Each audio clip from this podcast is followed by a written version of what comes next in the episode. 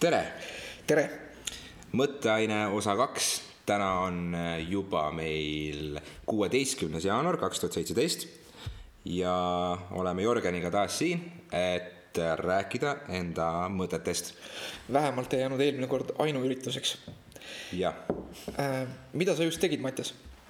ma sõin just äh, sinu tehtud juustukooki.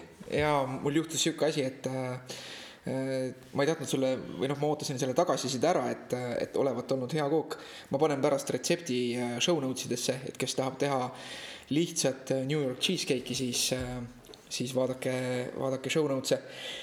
ja tegelikult see oli fail kook, see ei tulnud välja selline, nagu ma tahtsin. mul juhtus lihtsalt sihuke asi, et mu abikaasa töötab viimast päeva homme oma praegusel töökohal.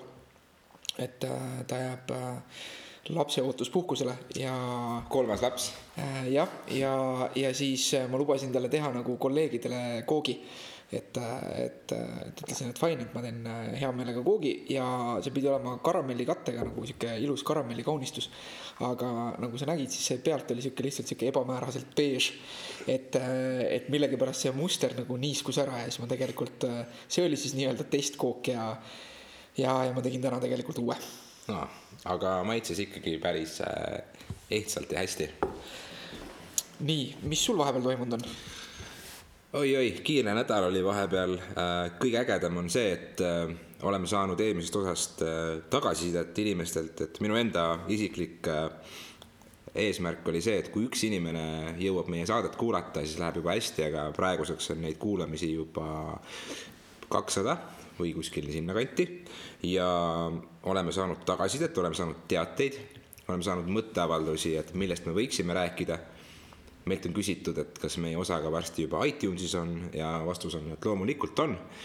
Äh, oleme triikinud siin viimaseid äh, neid väikseid kortsukesi oma laudlinal välja, et saaksime avalikustada terve selle äh, taskuhäälingu, nii nagu ta esinduslikult võiks välja näha Äh, olen siin meile Facebooki lehe teinud, see on siis aadressil facebook.com kaldkriips mõtteaine. olen valmistanud ette meile kodulehe äh, aadressil mõtteaine.ee äh, ja samuti oleme siin planeerinud pildimaterjali, uusi ideid, kõike, mis ühe hea taskuhäälinguga kaasa tuleb. ja kõikides veebiaadressites on siis O, eks ju, et just Äh, jah, nii, nii on läinud ja, ja loodetavasti, et vähemalt üksikürituseks eelmine osa siis ei jäänud ja, ja, ja praegu plaanime siis teha seda senikaua, kuni, kuni saame, miks mitte sada osa, kakssada ja, ja võib-olla kunagi tuhat. okei okay,, äh, mis oli sinu nädala avastus? minu nädala avastus koosneb äh, kahest osast, et kõigepealt ma räägin siia juustukoogi järgi kohe sujuvalt ära oma nädalaavastuse köögi poolelt. et äh, minu väikene õde Helena Britt äh, äh, rääkis mulle nädalavahetusel sellist juttu, et, et need alused, mis kuuluvad pliidi või siis nii-öelda ahju alla, sellised väikesed sahtlid, et need ei ole teps mitte tolmuste pottide ja pannide kogumiseks, vaid on hoopiski valmistatud toidu soojas hoidmiseks et äh, paned sinna ka oma koogi pärast sisse ja ta püsib seal äh, sellel temperatuuril palju kauem kui laua peal rätiku all näiteks. mina seda ei teadnud. Äh, mul oli ka kokandusavastus, ma sain teada, et kui küpsetada juustukooki, siis kui tainas on valmis ja sa valad selle vormi, siis selleks, et mullid välja tuleks, tuleb see kook nagu kukutada laua peale koos selle vormiga kuskil noh, mingi poole meetri kõrguselt okei okay., ja see jääb ühte tükki siis või? ja noh, see on sihuke vedel, eks ju, sa lased selle, paned selle vormi sisse ja lased nagu lihtsalt okay. paarikümne sentimeetri kõrguselt alla kukkuda põnsti okay.. ja, ja see siis nagu lööb, lööb need pisikesed mullikesed välja, mis muidu äh,, muidu sisse jäävad. aga tegelikult veel enne, kui me lähme äh, süvitsi nädala avastuste juurde, siis natukene räägime sellest, millest me täna räägime äh,. esmalt nagu ikka nädala avastused, rubriik, siis võtame oma MMA minutid, kus äh, täna kümne minuti jooksul me ei räägi üldse mitte peamiselt MMA-st rahast, vaid, vaid pigem sellest, et miks see MMA on oluline ka inimeste jaoks, kes muidu MM-ast üldse ei hooli. ja suures teemas võtsime äh, siis nõu kuulda tagasisidest ja me hakkame täna rääkima sõltuvustest. Äh, selline võrdlemisi tõsine teema võib-olla, aga, aga vaatame, kuhu me sellega kahekümne, umbes kahekümne minutiga välja jõuame. ja siis teie tagasiside pealt otsustame, äh, kuhu me sellele teemale, mille me täna ilmselt jätame kuskilt maalt katki.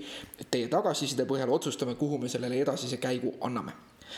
räägi oma teisest avastusest ja, et äh, kuna ma siin just saate alguses mainisin tänase kuupäeva, siis mõned päevad tagasi oli reede kolmteist ja siis mulle jäi see mõte meelde, et äh, uurisin korraks, ma ise ei ole suur numbritesse uskuja, kui ka, kuigi ka mind on kummitanud üksteist, üksteist ja mingisugused teised numbrid kuskil autonumbrite märgi peal või, või ka kuskil äh, seinakella peal aga vaatasin siis järgi huvi pärast, et mis see number kolmteist tegelikult tähendab, et ju eh, otseselt mingisugust negatiivset ja hirmutavat tausta sellel ei tohiks olla.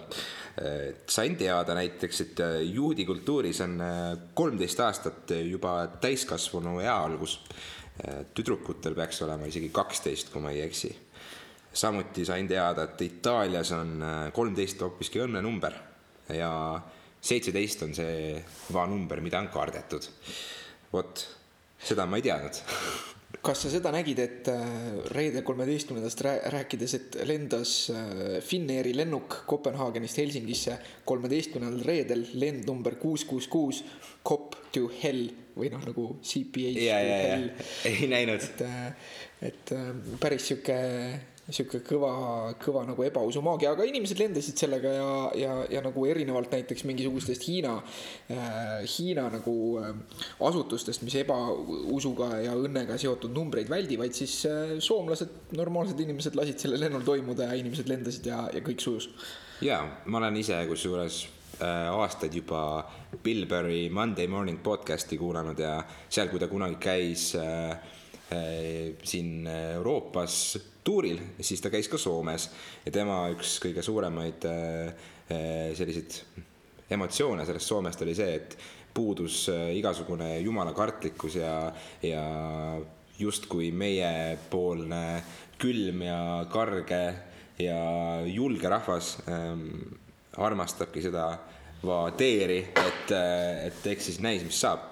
See on äge, mulle ka meeldib see, ei ole vaja karta numbreid, ei ole vaja karta lendamist. Kusjuures ma sain ise just hiljuti lenda, lendamishirmust üle, kui ma käisin Amsterdamis ja mu elu viies lend lõpuks oli rahulik. et äh, esimesed lennud olid kõik sellised äh, äh, rappuvad ja siis ma kartsin lendamist, aga siis ma sain aru, et sellest pole midagi. noh, hirmud ja foobia on tegelikult sihuke hea suur teema mõneks, mõneks järgmiseks korraks. just. eks näis. ma ütlen oma viimase, viimase number kolmeteistkümne avastuse ära ja siis ma lasen sul rääkida. et et jah, kõik oleme kuskil DVD kaane peal või, või filmi järel tiitlites näinud, et film võib olla justkui märgitud kui PG-13, mis on siis äh,, tähendab siis parental guidance ehk siis äh, täiskasvanu äh, järelvaatamise all kolmeteistaastase lapse nõustamist. Ja seal nendes filmides on siis näiteks lubatud relvad. Ja järgmine, järgmine kaaluklass sellest on siis rated R, mis on seitsmeteistaastastele lubatud ja on restricted sisuga, mis on siis võib-olla natukene juba äh, verisem, äh, paljem ja julgem kui see kolmeteistaastaste klass. vot ja see PG kolmteist, see on, see on alati naljakas, mulle muuhulgas meeldivad ka koomiksifilmid. filmid ja koomiksid on kindlasti ka mille, midagi, millest ühel hetkel rääkida. aga enamus siis praegu koomiksifilmidest on sihuke, kus sellist tapmist ja tagaajamist on kõvasti ja tulistamist ja pussitamist, aga verd samas väga ei lenda, et, et veri on jah see, mida, mida nagu nendes filmides näidata ei saa, millele nad suuremat, suuremat audientsi tahavad mm. -hmm. aga samas siis tuleb järsku mingisugune Deadpool kuskilt välja ja siis lükatakse kellelegi mingi asi tagumikust sisse ja siis ta plahvatab ja siis on nagu. see oligi, oligi R17 ah,.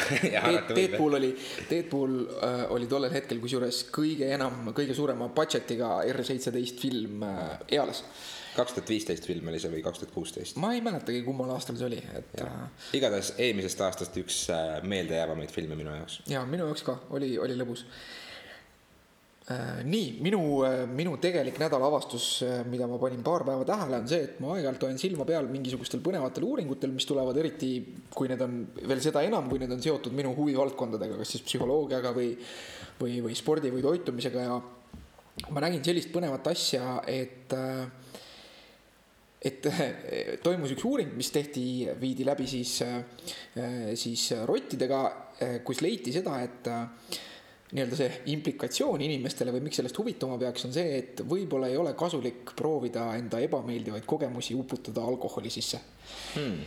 ja, ja, ja mis tegelikult siis leiti, oli see, et noh, nagu ikka, ma siinkohal ei äh, lasku põhjalikult uuringusse, ma panen uuringu kokkuvõtte jällegi äh, selle märkmetesse, et saate lingist eda, edasi uurida ise, kui suurem huvi on.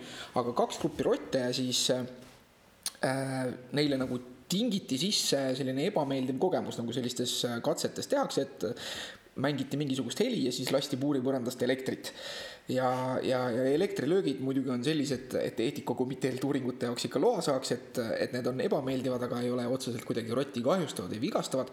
aga neil tekib hirmureaktsioon, eks ju, nagu ikka mm, -hmm. kui, kui midagi vastikut juhtub, siis see paneb sind võpatama ja tarduma ja, ja nagu ikka yeah., et, et võitle või põgene.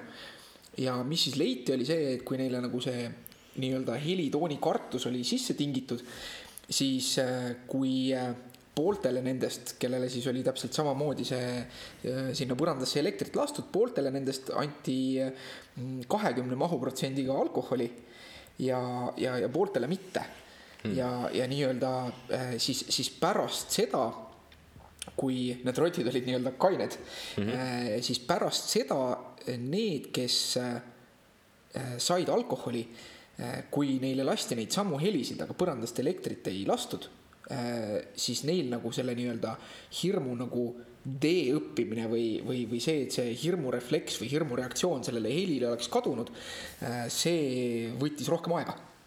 ah,, okei okay., huvitav. et, et neil nagu ei kadunud see nii, äh, nii lihtsasti, sest noh, loomulik on see, et kui, kui sulle on midagi nagu hirmu valmistanud äh,. alati üks kindel sõber näiteks ehmatab sind ja sa selle peale võpatad, eks ju, ja siis juba edaspidi seda sõbra punast jopet nähes hakkab süda kiiremini põksuma, siis kui ta ühel hetkel võtab mõistuse pähe ja sind mõnda aega enam ei ehmata, siis, siis, siis see kaob ära, siis on jälle normaalne. jah, aga, aga senikaua nendel... oled alati valmis ennast kaitsma iga tema liigutuse peale. just, et nendel rottidel siis, äh, kes olid alkoholi tarbinud, seda, see, see nagu taandumine, selle refleksi, õpitud refleksi taandumine oli aeglasem ja, ja, ja mis see nii-öelda äh, ülekanne või, või kui me eeldame, et, äh, et inimestel toimub nagu nende mälestuste, hirmutavate mälestuste moodustumine umbes samamoodi või õppimine, siis äh, mida me teame, on, et need inimesed, kellel on näiteks posttraumaatiline stressihäire, PTSD, mhm. millest on palju juttu seoses näiteks kaitseväelastega, kes käivad missioonil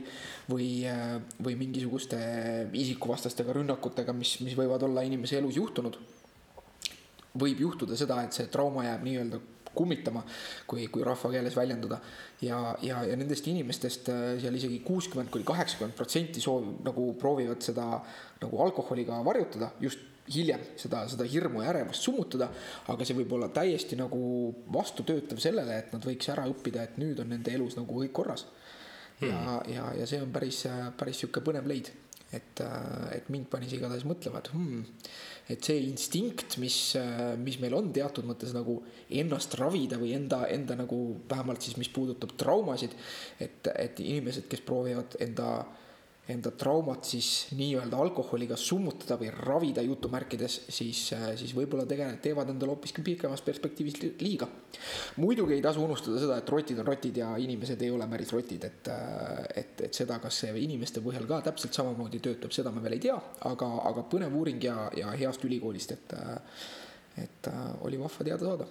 vinge, ma käisin just reede õhtul Parlava baaris üks äh, purjus härrasmees püüdis kaks või kolm korda mind äh, õhtu jooksul rünnata ja ta oli hästi purjus ja enne kui ta väga purju jäi, siis ta rääkis mulle just sellest, et ta püüab äh, täna või sellel õhtul siis ära unustada selle, et ta pärast kümne pluss aastast tööiga on vallandatud mingisugusest, mingisugusest ettevõttest, mille mingisugune Jaapani korporatsioon välja ostis.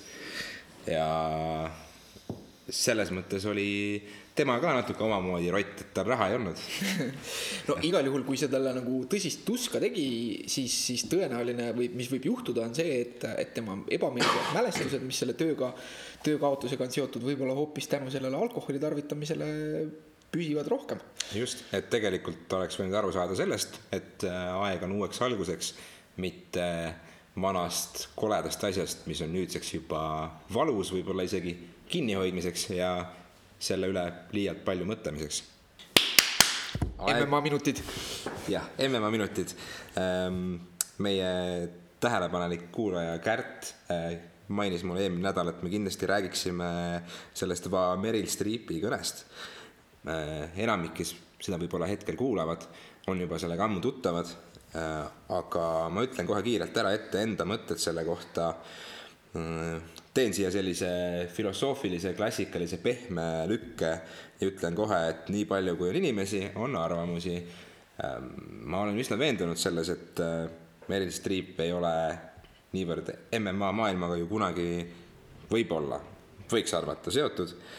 küll aga võib-olla ta teab näiteks sellist sarja nagu Kingdom, mida mina ise olen vaadanud, ma ei tea, kas Jörgen, sina oled vaadanud kunagi seda sarja? ei ole. see on hea sari, äh, mulle täitsa meeldib, kuigi sinna on äh, sisse segatud äh, alkoholism ja seks ja kõik, mis seda sarja muidu müüks ka laiemale audientsile, siis ometi teevad seal äh, koha peal äh, treeneritena Greg Jackson ja muud tuntud nimed äh, kaasa ja ka päris autentsed õiged MMA võitlejad on seal nii-öelda sparringpartnerid, näiteks nagu Cub Swanson.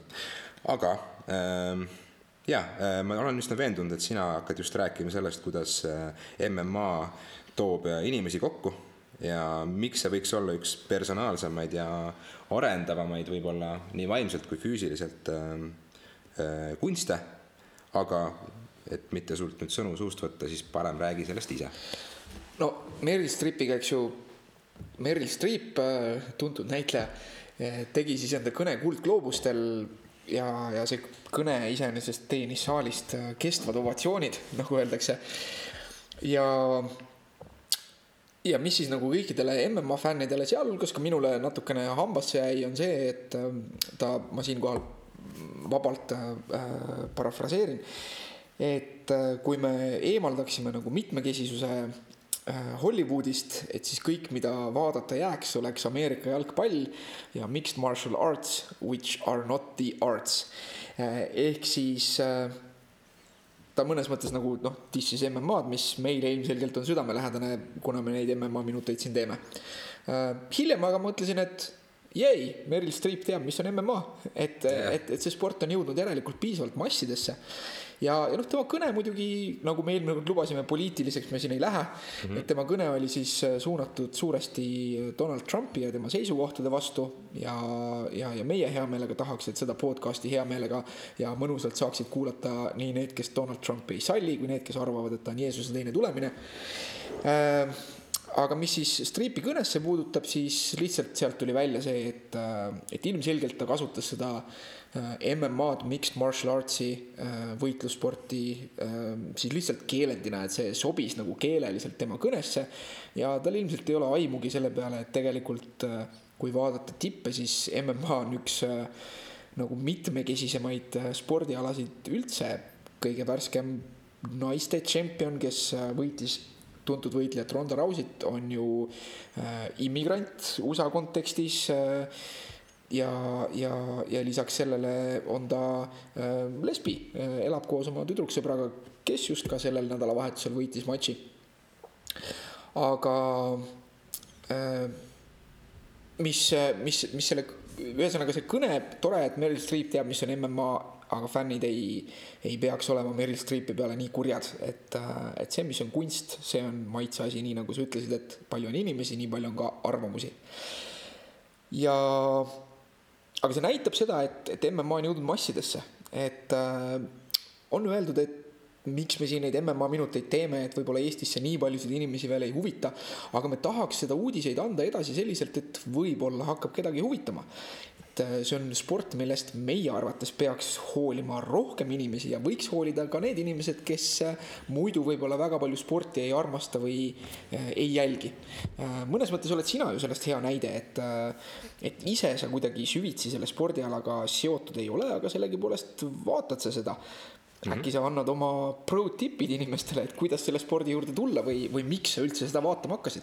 ja, et mina hakkasin tegelikult alles kaks tuhat neliteist äkki oli see või kaks tuhat kolmteist äh, seda niimoodi suurema huviga jälgima.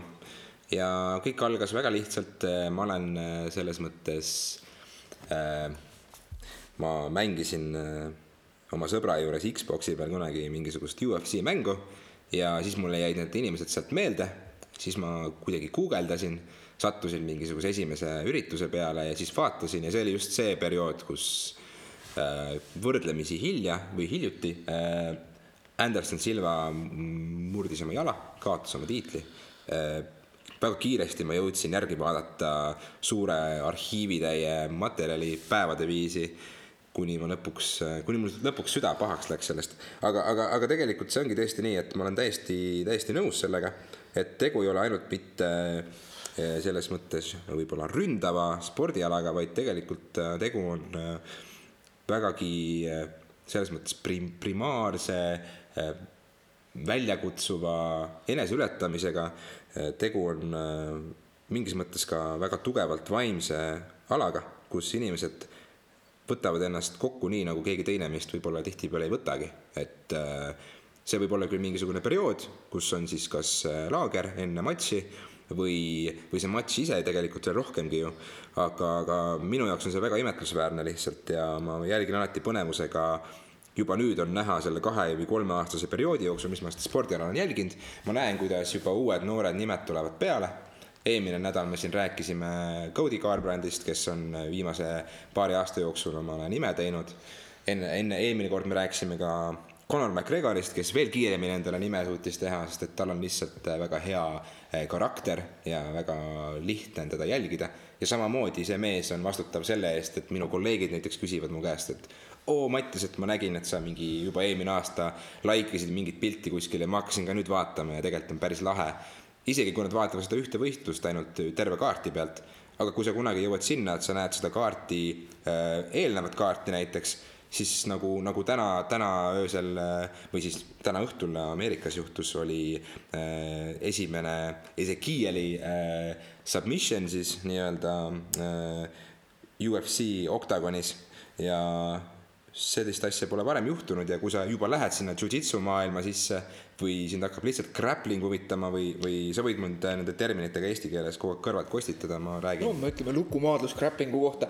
üleüldse siin võib-olla tasuks sisse tuua seda, et, et UFC ehk Ultimate Fighting Championship on siis kõige suurem organisatsioon, mis MMA võistlusi maailmas korraldab.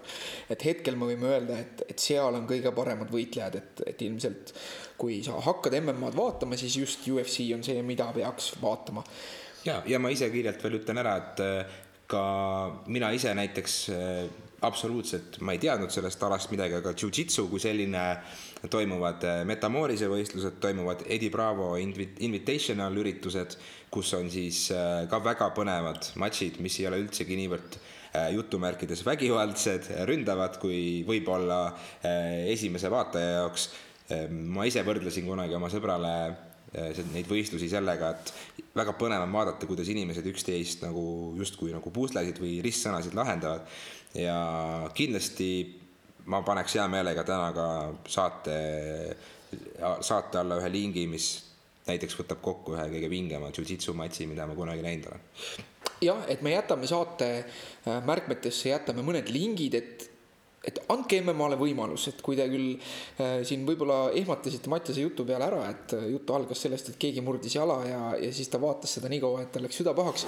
et äh,, et võib tunduda nagu õudne, et, et see on ju võitlussport ja inimesed löövad üksteist ja viskavad ja, ja, ja, ja proovivad üksteisele haiget teha, et see on ju vägivald, kui uskuda Delfi kommentaatoreid.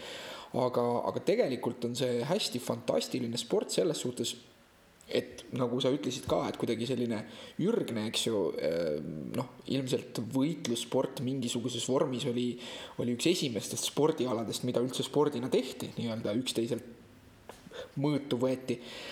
ja et, et väga selline ürgne ja, ja võib-olla need inimesed, kellele see nagu vastik tundub, noh, need inimesed teevad seda ju vabatahtlikult ja naudivad seda, et, et, et võib-olla see ongi natukene liiga siuksest vägivallast või, või isegi mitte vägivallast, aga nagu sellisest füüsilisest kontaktist ja füüsilisest võitlusest, mida loomariigis ju teevad kõik noh, väga paljud loomad liigisiseselt kuidagimoodi müravad ja müdistavad ja, ja selle eesmärk ei ole ju sugugi mitte üksteist nagu kuidagimoodi ära vigastada.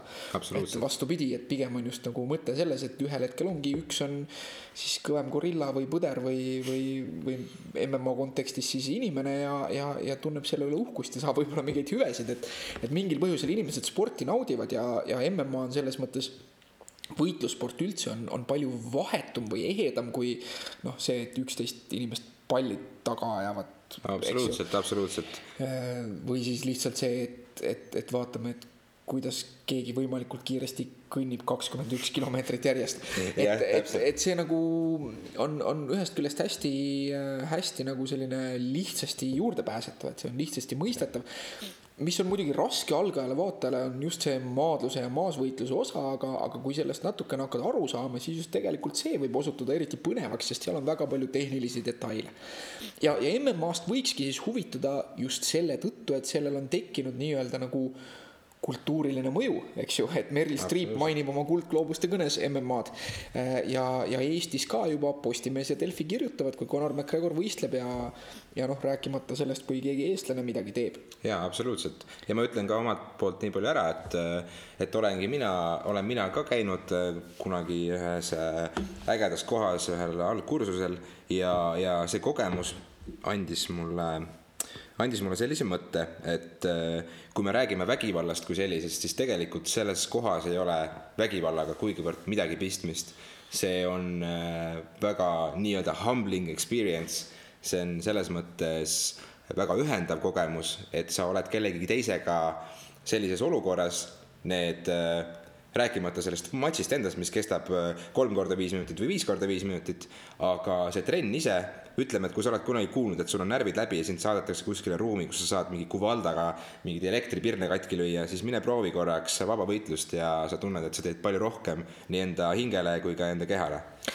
Siinkohal saan teha väikese shameless plug'i ehk siis äh, sellise häbitu reklaami, et tegelikult Tallinnas hetkel on äh, klubil 3D treening väga hea pakkumine, kus nad äh, poole hinnaga pakuvad enda algkursuseid, millega saab liituda kogu aeg. ja Tartus klubis Võimla on just alustamas MMA baaskursus, kus siis alates veebruarist kuni mai lõpuni välja õpitakse kõiki MMA aspekte ja, ja pannakse see kokku, et see on hästi põnev spordiala, mida õppida, hästi tehniline, nagu Mattias ütles, trennis on see koostöö ja õppimine, trennis ju ei ole see võitlemine. et, et hoolimata sellest, millised on su eesmärgid, sportlikkus või ambitsioonid, siis mina soovitaks küll kõigil võitlussporti proovida. et äh, lisaks sellele, kui on mingisugust sellist äh, hirmu füüsilise kontakti või, või võimaliku olukorra eest, kus võib juhtuda mingi füüsiline rünne, siis on ka selline väljaõpe täiesti asendav asendamatu.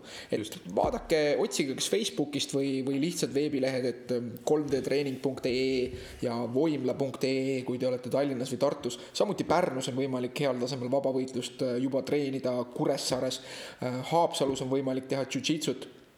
et, et see levib Eestis väga palju ja, ja ja, ja tõesti, mina ei näe ühtegi põhjust, mis, äh, miks isegi kõige rahuarmastavam ja, ja, ja mõnes mõttes spordikaugem inimene ei võiks enda elust ühe jupi pühendada sellele, et, et natukene treenida võitlussporti kusjuures, Jörgen, ma kiiresti küsin su käest veel seda, et kunagi ma ei saanud trenni tulla sellepärast, et äh, ma teadsin, et ma pean õhtusel ajal lastega tegelema.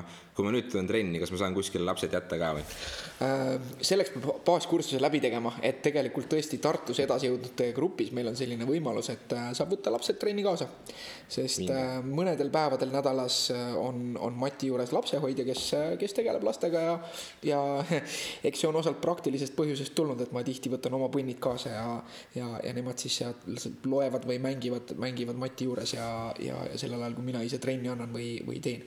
väga hea, siis ei ole enam üldse mingeid vabandusi viimane okay. minut, sa mainisid, et äh, sellel nädalavahetusel toimus ka UFC, et äh, kas sa soovitaksid, nüüd inimesed kuulavad seda saadet, huvituvad MM-ast, kas sa soovitaksid seda neil vaadata?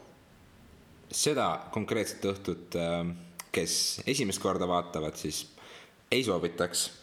tegu on sellise nii-öelda, kes teavad, siis teavad, et äh, see on selline UFC Fight Night üritus, mis ei ole väga suure staariarmeega, küll aga oli seal tõepoolest äh, peamatšis oli äh, BJ Penn, kes sai rõvedalt Jair Rodriguez'e käest kolki, sest et vana mees peaks juba puhkama. Nii nagu Craig Jackson ütles, siis äh, vähemalt kolm aastat on tal veel sees võitlushinge, siis mina arvan, et vähemalt kolm aastat on tal lisaks puhkust juures nii, MMA minutid täna viisteist minutit, järgmine kord proovime kümnega hakkama saada ja vaadake siis show notes'e, et kui te enda MMA huvi sealt edasi harutama hakkate yes.. suur teema. nagu alguses sissejuhatuses ütlesime, siis me võtame tõeliselt suure ampsu, me lihtsalt räägime oma mõtetest äh, seoses sõltuvustega. sest äh, sõltuvus on selline sõna, mida tavakeeles loobitakse hästi palju ja, ja mis seeläbi pakub päris palju mõtteainet. Mis sinu kogemus sõltuvustega on äh,? ei taha küll kõlada selliselt klišeelikult ja dramaatiliselt, aga ma arvan, et mul on ikkagi omajagu väiksemaid sõltuvusi, millest ma olen ajapikku aru saanud ja olen võib-olla korrigeerinud. et äh, üks kõige äh, selline esimene mõte, mis mul pähe tuleb, on näiteks tähelepanusõltuvus, et äh, mingisugusel ajal ma olen saanud rohkem inimestelt tähelepanu ja siis mulle on see meeldinud, et sest et inimesed ütlevad mulle positiivseid asju, tunnen ennast hästi, ma arvan, et ma teen midagi õigesti ja siis ma püüan liikuda selle suunas, et rohkem seda saada, aga siis, kui ma saan aru, et ma teen seda selleks, et lihtsalt seda tunnet korrata, siis ei ole enam väga autentne ja see on imelik. Mul ei ole kunagi olnud näiteks kanepisõltuvust, ma olen elus võib-olla paar korda ainult kanepit suitsetanud. mul on olnud eh, tavalistest sigarettidest sõltumus küll mingisugune periood, ka sellest olen ma lahti saanud alkoholi mulle ei meeldi aktiivselt juua, et sellised tüüpilised äh, lähme välja ja jaurame sõltuvused ei ole mind kunagi väga kimbutanud. aga äh, eelmises podcast'is, eelmises osas mainisid ka suitsetamist, kuidas sa sellest lahti said?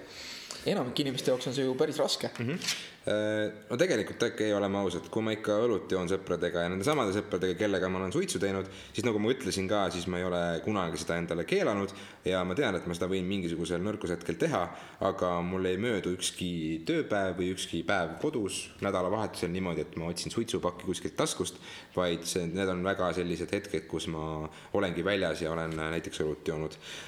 Kuidas ma sellest lahti sain, väga lihtne, kui ma teen suitsu, siis mul hakkab paha olla siis ma mõtlesin, et ma ei taha enam, et mul paha oleks. ja, ja kui, kui ma ärkan järgmine hommik üles, kus ma olen õhtul palju suitsu teinud, siis ma tunnen seda lõhna enda riiete küljes. Äh, ma tunnen seda füüsiliselt enda sees ja see on täiega ebameeldiv, miks ma peaks seda tahtma, et äh, ei.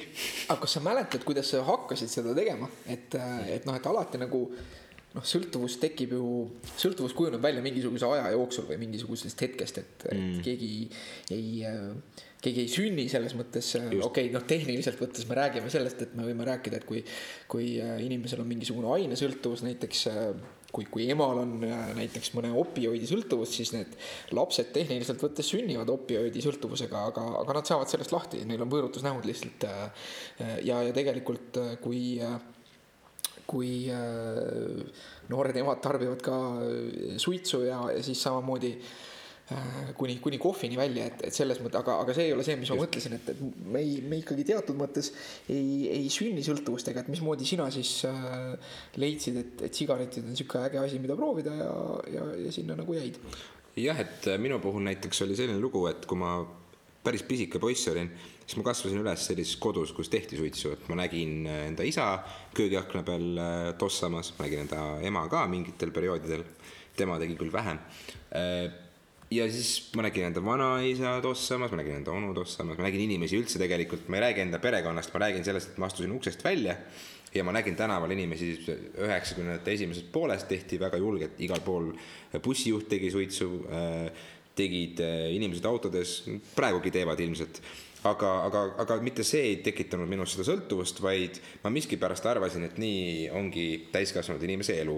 ja kui ma kasvasin natuke suuremaks, siis sellel ajal oli veel Tartus olid baarides suitsetamine oli nagu nii-öelda lubatud, siis ma gümnaasiumis läksin koos oma uue klassivennaga, läksime, läksime Krooksu baari, võtsime sealt endale kohvi, tegime suitsu, rääkisime päevast ja elust ja saime tuttavaks ja, ja sealt algaski minu suitsetamine nii-öelda, kuni selleni välja, et ma kodus käisin äh, rõdu peal seda tegemas iga päev mitu korda ja kooli jalutades ja koolist koju jalutades ja kogu aeg. ja ma ei pannudki tähele enam üks hetk, kui ma kogu aeg suitsu pahvisin, kuni läks pakk päevas. Ja päris pikalt niimoodi, et äh, ei ole midagi salata, see on, äh, võtab väga vaikselt üle ja, ja sa ei saagi sellest aru võib-olla aga kas sa kooli ajal seda, noh, mis räägitakse suitsust, kas sa seda äh, vaimse töövõime paranemist ka alguses tundsid, mida raporteeritakse, et mida inimesed ütlevad, et või, või seda nagu ei pannud tähele ise. see on põhjuseks, miks paljud inimesed hakkavad suitsu tegema, et nad või, või nii-öelda ka jäävad, et, et alguses on see võib-olla tõesti kuidagimoodi nagu kultuuriline, nii nagu sa ütled, või, või, või siis nagu rekreatsiooniline, et mm, -hmm. et sõpradega koos kuskil, aga, aga mingil hetkel pannakse tähele seda, et kuidagi noh, et, et on natukene parem õppida näiteks või et kuidagi mm -hmm. lööb pea selgeks, et kas sa ise seda ei, ei pannud tähele? mina panin just seda tähele, et kuna ma hakkasin sellele mingisugune kakskümmend, kolmkümmend minutit pärast viimase suitsu tegemist uuesti mõtlema, siis ma sain sellest mõttest siis lahti, kui ma tegin selle suitsu uuesti ära ja siis ma sain muudele asjadele jälle rahulikumalt mõelda mingi aeg. ja see tähendas siis mitte seda, et et ma saaksin nüüd keskenduda, vaid ma sain sellest, äh, sellest tõkkest jälle üle. ja, ja ma hakkan kohe mõtlema sellele, et sama hästi see võiks olla sõltuvus näiteks mingisuguse klikitava pastaka järgi või mingisuguse stressipalli järgi, et see mingi tegevus otseselt ju nagu öeldakse, et kui sul on alajahtumine ja sa näiteks jood šoti jäägermeistrit, siis sul tegelikult ei hakka ju soe, et nagu. ei hakka. jah, et aga sa tunned, et järsku läheb seest soojaks. aga miks on niimoodi, et miks ma teen suitsu ja tunnen, et mul hakkab järsku palju rahulikum olla, kuigi tegelikult mu vererõhk äh, lööb lakke ja, ja süda hakkab kiiresti lööma ja, ja, ja kõik muud näitajad äh, lähevad punaseks. et tegelikult seal ei ole mingisugust seost ju äh, rahunemisega. et, et mina tegelikult ei tundnud jah seda muud, kui et ma sain sellest mõttest lahti. okei okay,, põnev. Äh, sest siin on nagu tähtis, et mis sõltuvuste puhul on oluline, ongi see, et tulebki nagu eristada mõnes mõttes või, või see on nüüd nagu sihuke minu arvamus, et, äh, et ma ei äh,, peaksin tegema selle disclaimer'i ka, et võtsime suure ampsu ja sõltuvustest ja, ja, ja mina olen äh, hariduselt psühholoog ja, ja töötan ka nõustajana, et et, et ma ei pretendeeri siin podcast'is mingisugusele meditsiinilisele nõu andmisele ja, ja kui te kuidagimoodi neid mõtteid kasutate, siis, siis te teete seda omal vastutusel. ja, ja loomulikult ma proovin või noh, ütleme, eks psühholoogi elu on mõnes mõttes samasugune nagu arsti oma, et mingit eetikat või eetikakoodeksit ma kannan endaga kogu aeg kaasas. aga, aga mis ma tahtsin sinu jutu kohta öelda, on see, et, et me peame eristama või võiksime eristada nagu ma ütlesin, minu arvamus on see, et võiksime eristada nagu äh, sõltuvust ainetest ja sõltuvust käitumisest, et, äh, et isegi nagu ainete tarbimiste puhul on, on nagu leitud seda, et see, see nii-öelda see situatsioon, see keskkond, milles, milles siis suitsetaja või, või, või, või süstija või tabletivõtja või, või millest iganes võib sõltuvuses olla, kui me räägime ainetest. et see situatsioon, milles ta on, on tegelikult äh, väga oluline osa ja, ja see see aine tarbimine leiab aset alati mingisuguses keskkonnas. Äh, ja, ja tihtipeale nagu see tung äh, siis tarvitada on ka suurem selles mingis kindlas keskkonnas, noh klassikaliselt inimesed ütlevad seda, et, et vot, et töö juures näed, et lähen nüüd suitsupausile suitsetamine on lihtsalt hea näide, millest rääkida, sellepärast et suitsetamise puhul äh, on olemas ka selge see nii-öelda füsioloogiline sõltuvus, et kui inimesed jätavad suitsetamise järgi, olles pikka aega suitsetanud, siis nad kogevad ebameeldivaid mingeid kehalisi nähtuseid. sa panid enda juures ka midagi tähele, et kui hakkasid vähendama, et siis oli nagu kuidagi eriti vastik või raske või hakkasid palju kommi sööma, mõned räägivad. jah, et äh, tõsi ta on, ütleks, et kaks asja, kas näiteks õlu joomine või üldse, üldsegi alkoholi joomine, suitsetamine on käsikäes käinud minu jaoks, aga ka kohvi joomine mingi periood, et et kui ühte jäi vähemaks, siis hakkasid teisega natuke üle kompenseerima ja, ja siis said ka, sa said ka üsna kiiresti aru, et tegelikult see dialoog ka ei toimi kuidagi, et, et üldiselt lihtsalt mina küll magusa poole ei pöördunud, aga, aga sain, sain, sain kiiresti aru, et vajan rohkem vett ja ja samuti tegevused, mida ma siis asendasin uue sõltuvusega, näiteks nagu trenni tegemine, mis ma püüdsin äh, mingi hetk, et nüüd ma ei tee suitsu, vaid ma teen näiteks kätekõverdusi ja sellest lõpuks tuli mul kodus väikene trennirutiin välja, kus mul oli äh, lõuatõmbed ja kõhulihased ka sees. et äh, jah, jällegi huvitavalt praegu saan aru, et tegelikult läksin nagu mingisuguse aseaine peale üle, mis oli lihtsalt tervislikum et jah. et siin nagu tegelikult see toobki meid siia mõistete segadusse, et inimesed noh, mõnes mõttes loobivad seda sõltuvuse mõistet nagu hästi kergekäeliselt, et räägitakse ja, ja tegelikult isegi teaduslikke uuringuid on sellistest asjadest nagu solaariumi sõltuvus või shopping'u sõltuvus. et äh, aga, aga nagu ma ütlesin, minu meelest on see hästi rangelt äh, noh, või, või siin on nagu see, et inglise keeles on, eks ju, on dependency ja on addiction, mida ka loobitakse segamini aga, aga tegelikult nagu seda võrdusmärki panna selle vahele, et, et nüüd sõltuvus, ütleme tõeline alkoholisõltuvus, mis on Eestis tõsine probleem, või et, et see on nüüd samaväärne kui sellele, et keegi nimetab ennast šopahoolikuks, siis noh, see ei ole ikka nagu päris seesama asi.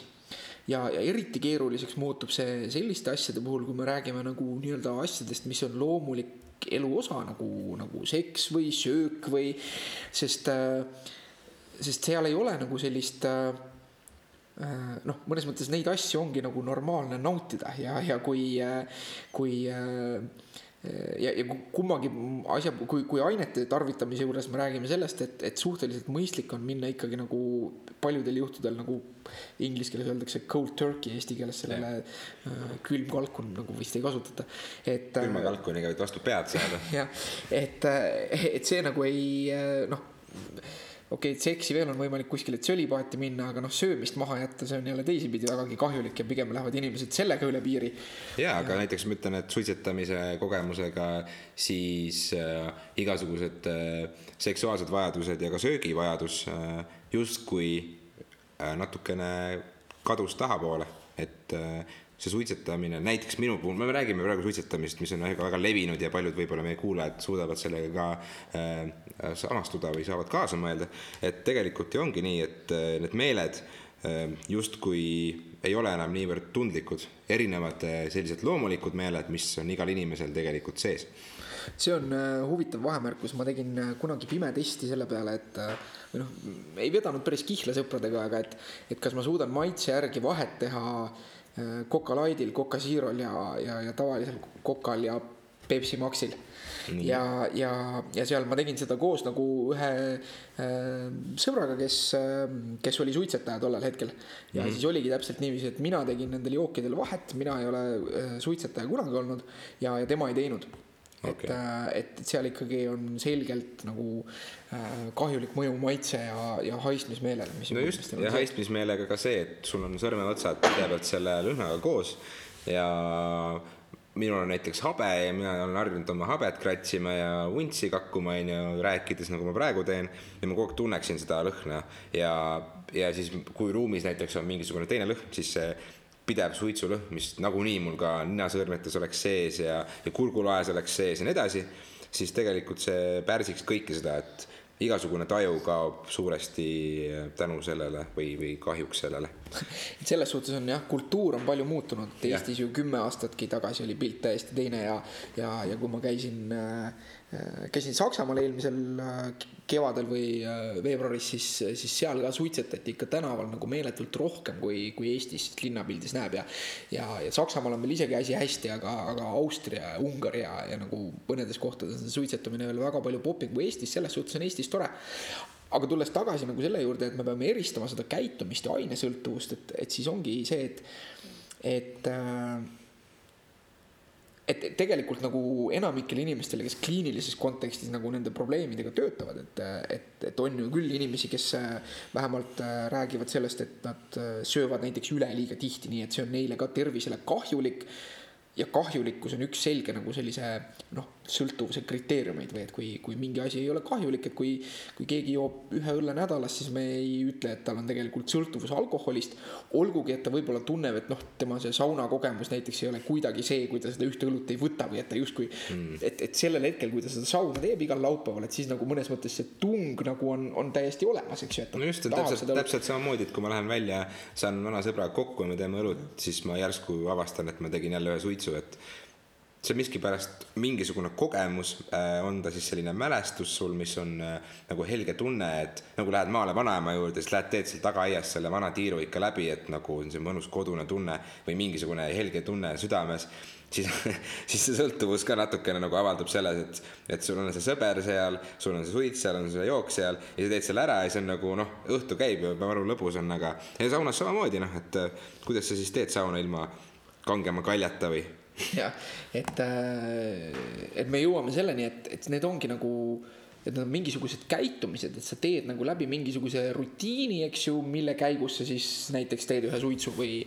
ja, ja, ja see käitumine iseenesest ei põhjusta sulle probleeme, et, et selles suhtes nagu mm, me ei räägi üldiselt äh, sõltuvustest, kui, kui tegelikult ei ole probleeme. noh, loomulikult sõltuvuste puhul klassikaline on see, et inimene ise ei tunnista, et tal on probleem, eks ju, et see, see, see probleem peab siis väljenduma ka mingisuguses kahjus, et kas näiteks me saame hinnata, et seal on kahju selle tarvitaja tervisele või, või selle käituja tervisele või on seal kahju siis tema äh, vaimsele heaolule või tema lähedastele või ei saa ta selle tõttu hakkama enda igapäevaste rollidega, et näiteks äh, ja, ja siin me räägimegi tegelikult, mulle meeldib palju rohkem see termin probleemne käitumine et, äh, et tegelikult ei ole äh, nüüd nagu värsketest juhistest on äh, ära korjatud ka ainus käitumuslik nii-öelda jutumärkides sõltuvus, millest räägitakse, mis on hasartmängusõltuvus hmm.. eks ju, et me teame, et seal on selgelt see olemas, et, et on inimesed, kes tahavad näiteks käia kasiinos ja nad teevad seda nii palju, et neil nagu muu elu jääb unarusse ja lisaks sellele nad kulutavad ära oma ja oma lähedaste raha ja, ja see on, see on tõsine probleem. aga isegi seda nimetatakse probleemseks hasartmängimiseks mängimiseks sest see, see käitumine mõnes mõttes või, või seal on nagu otseselt see käitumine noh, sõltuvus mingisugusest käitumisest ja see käitumine võib olla ka mitteprobleemne, et kui keegi aeg-ajalt, et näeb, et Conor McGregor võistleb ja siis paneb tema peale viis eurot äh, kuskil äh, keskkonnas.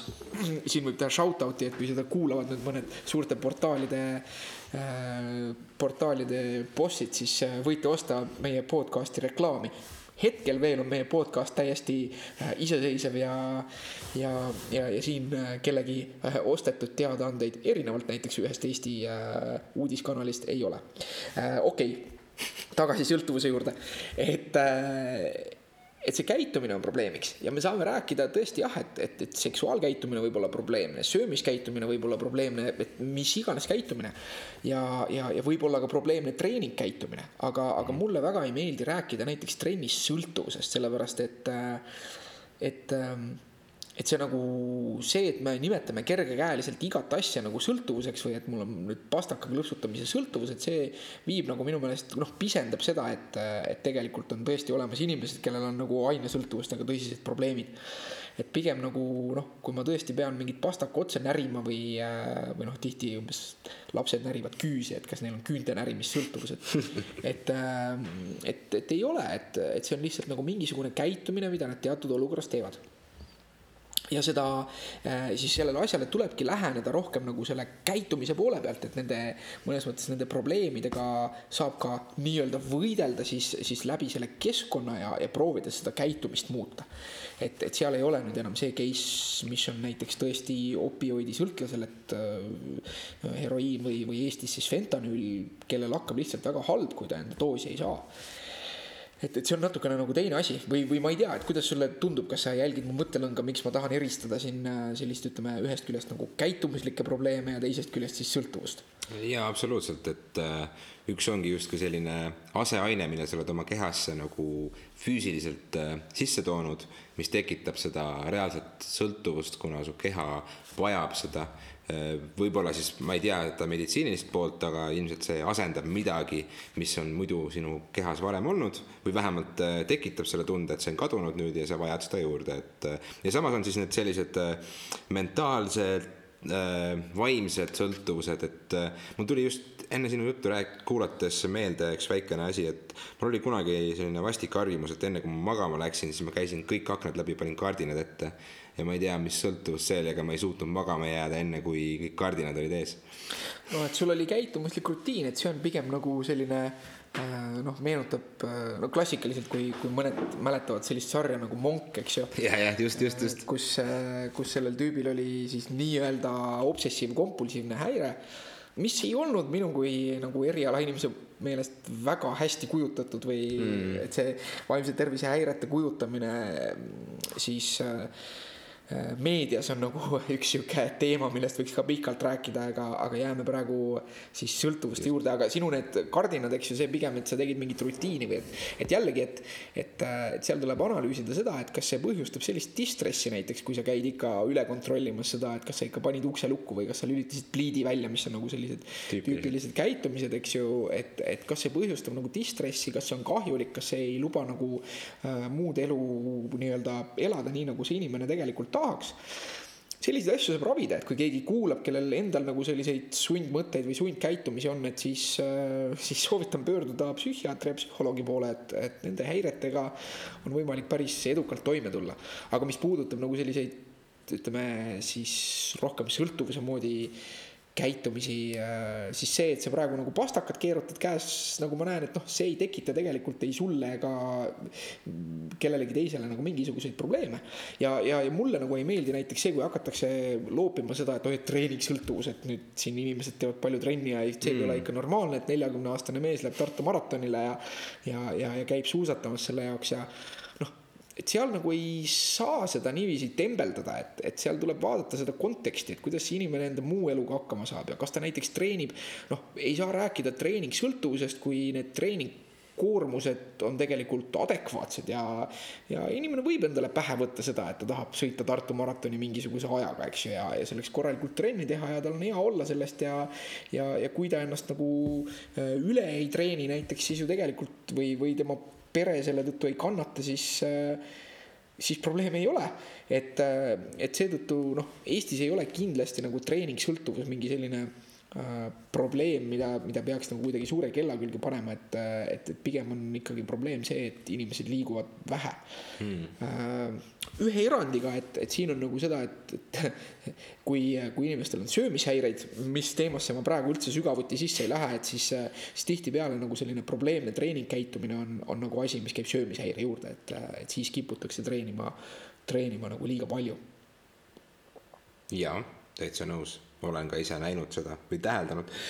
et, et olen ka mina ise tegelikult mingi hetk oma elus võib-olla äh, püüdnud asendada mingeid tegevusi, nagu ma just enne ka ütlesin, siis tegelikult ma jälle pildusin seda sõna sõltuvus natukene liiga, liiga lihtsalt äh, sulle siia lauale, kui ma kardinad ette tõmbasin, et see ei olnud kindlasti mitte sõltuvus, vaid justkui turvatunne, justkui mingisugune kindel äh, protsess, mida ma pärast hammaste pesu tegin eks selliseid asju nagu nimetataksegi turvalisuskäitumiseks ja see on tõesti, et, et alati, kui me räägime, kui me näeme, et mingisugune käitumine on probleemne, et näiteks keegi näpib enda telefoni liiga tihti või vaatab ja, ja noh, mõnes mõttes, et me võime ju mõelda seda, et, et kui ikka soovitan siinkohal ühte head äppi Quality Time, mis äh, näitab seda, et milliseid äppe sa kasutad päevas, kui palju ja mitu korda sa enda äh, telefoni ekraani vaatad.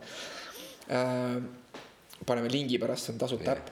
Äh, et, et ise kasutan seda ja, ja näiteks minugi puhul võib öelda, et, et nutitelefoni kasutus on nagu midagi, mida ma võiks kindlasti teha vähem. et, et see on mõnes mõttes nagu nii-öelda äh, kompulsiivne, et see telefon on taskus ja hakkab igav ja jälle võtan välja ja, ja, ja võib-olla oleks palju kasulikum hoopis selle asemel midagi muud teha. Aga siis ongi see, et noh ma arvan, ma enda kohta ei, ei peaks pilduma mitte seda sõltuvuse sõna ja, ja, ja mis sellel on veel halb, on see, et, et kui, kui selliseid käitumuslikke asju nagu nimetada sõltuvusteks, siis see tihti tekitab nagu siukse noh äh, võib-olla pooliroonilise, aga samas ka nagu natuke sihukest võimetustunnet, et ma olengi nüüd sõltlane ja, ja nüüd on raske sellele vastu hakata, et ei ole raske, et. et kõige lihtsam on tegelikult kujundada enda keskkonda, et kui keegi näpib liiga tihti enda telefoni, siis äh, teha hommikul, kui nagu tahtejõudu on selline rutiin, et panna telefon näiteks kaheks tunniks kuskile riiuli nurgale.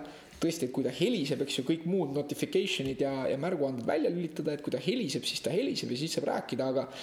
aga, aga juba see, et kui ta on kuskil kaugemal riiuli nurgal, et sa oled ise kujundanud enda keskkonna ümber, et see telefon ei ole sul taskus. ja ei tuleta ennast ise kogu aeg meelde läbi selle, et kui ta nagu mõnusalt väriseb, eks ju, ja kohe, et oh, et nüüd midagi põnevat juhtus.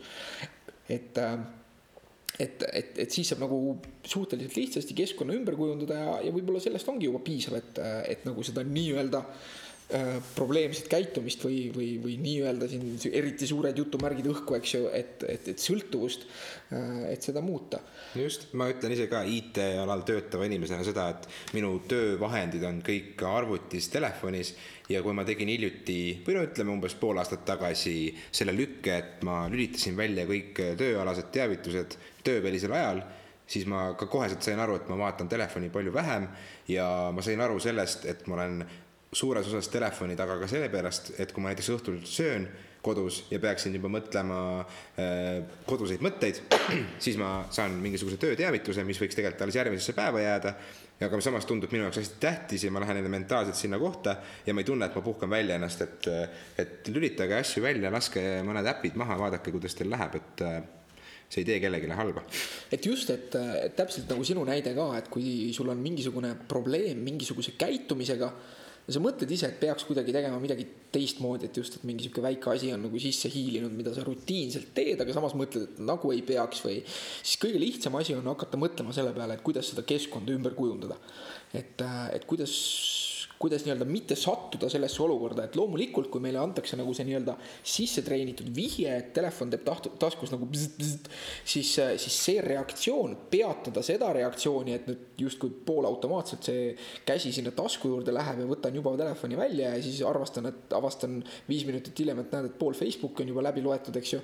et, et, et seda nagu peatada on palju raskem võrreldes sellega, et hommikul võtta vastu see otsus ja panna telefon kuskile riiuli nurgale, näiteks kontoris või või, või kuskil või, või, või võtta füüsiliselt näiteks ka endal, äh, kui on lauaarvuti, mis on veel kuskil kaabliga ühendatud, eks ju, et äh, võttagi nagu internetikaabel välja näiteks selleks ajaks, kui, äh, kui on vaja mingisugust kindlat dokumenti trükkida, et, et mitte langeda sellesse, et, et kogu aeg on brauser lahti ja, ja siis on lihtne ja, ja, ja mõnus neid äh, aknaid klikkida. ja, ja ka nendes äppides või telefonides tähendab, saab ka ju seadistada näiteks mingi priority listi endale, kus on sul inimesed sees, kelle teated sa pead saama kätte, näiteks minul on väga oluline, et kui lasteaiast helistatakse, et siis ma kindlasti näen seda teavitust võimalikult kiiresti ja kui ma panen nad sinna prioriteetsesse nimekirja endale, siis nende sõnumi puhul käib hääl. Ja kui näiteks keegi mulle Facebookis kirjutab midagi, siis ei käi häält, et see on ka näiteks hea filter, et siis sa südamerahuga ei lähe vahepeal telefoniga kontrollima. just. Ja ja noh, iseenesest siin on nüüd huvitav mõte või, või küsimus, et millest äh, me täna ilmselt ei räägi. Äh, lükkame selle just täpselt järgmisesse korda, on see, et äh, aga miks inimesed nii lihtsasti nagu selliste rutiinsete käitumuste nii-öelda orki langevad? et, et see on, ma arvan, see, mis, mille me võtame järgmine kord lahti ja, ja siin on nagu huvitav mõnes mõttes nagu ainete tarvitamisega haakuv teema. kas sa Rotipargist oled kuulnud, Rat Park? Ei ole. no vot, siis äh, see on diiseriks äh, järgmiseks äh, korraks ja me jätkame vähemalt järgmisel korral selle nii-öelda suure teemaga just selliste erinevate sõltuvuste ja probleemsete käitumiste teemat. nii et kuulake meid järgmine kord ka. ja, ütleme veel tervist ka puhata ja mängida meeskonnale. Nemad tervitasid meid just hiljuti. Vup-vup, Rainer, podcast'i sõbrad. just täpselt, et et äh, kindlasti tulge meie juurde tagasi järgmisel teisipäeval. Äh, ma luban, et selle aja peale on äh, vahepeal jälle meil uuendused toimunud. me püüame oma podcast'i sisse tuua kõllid, mis on siis nii-öelda sissejuhatav muusika, võib-olla mingid vahepealsed väiksed, väiksed põksud, et see asi läheks veel professionaalsemaks. aga ma võin omalt poolt öelda, et tänane istumine oli küll väga meeldiv ja minu jaoks väga ladus ja ma täiesti ootasin seda juba, et saaks lindistada ja, ja ma loodan, et teil kui kuulajatel kõigil oli sedasama lõbus äh, kaasa mõelda kui minul ja Jörgenil arvatavasti ka. jah, tund möödus kiirelt, jälle purgis, tehtud. jep, nukid, nukid..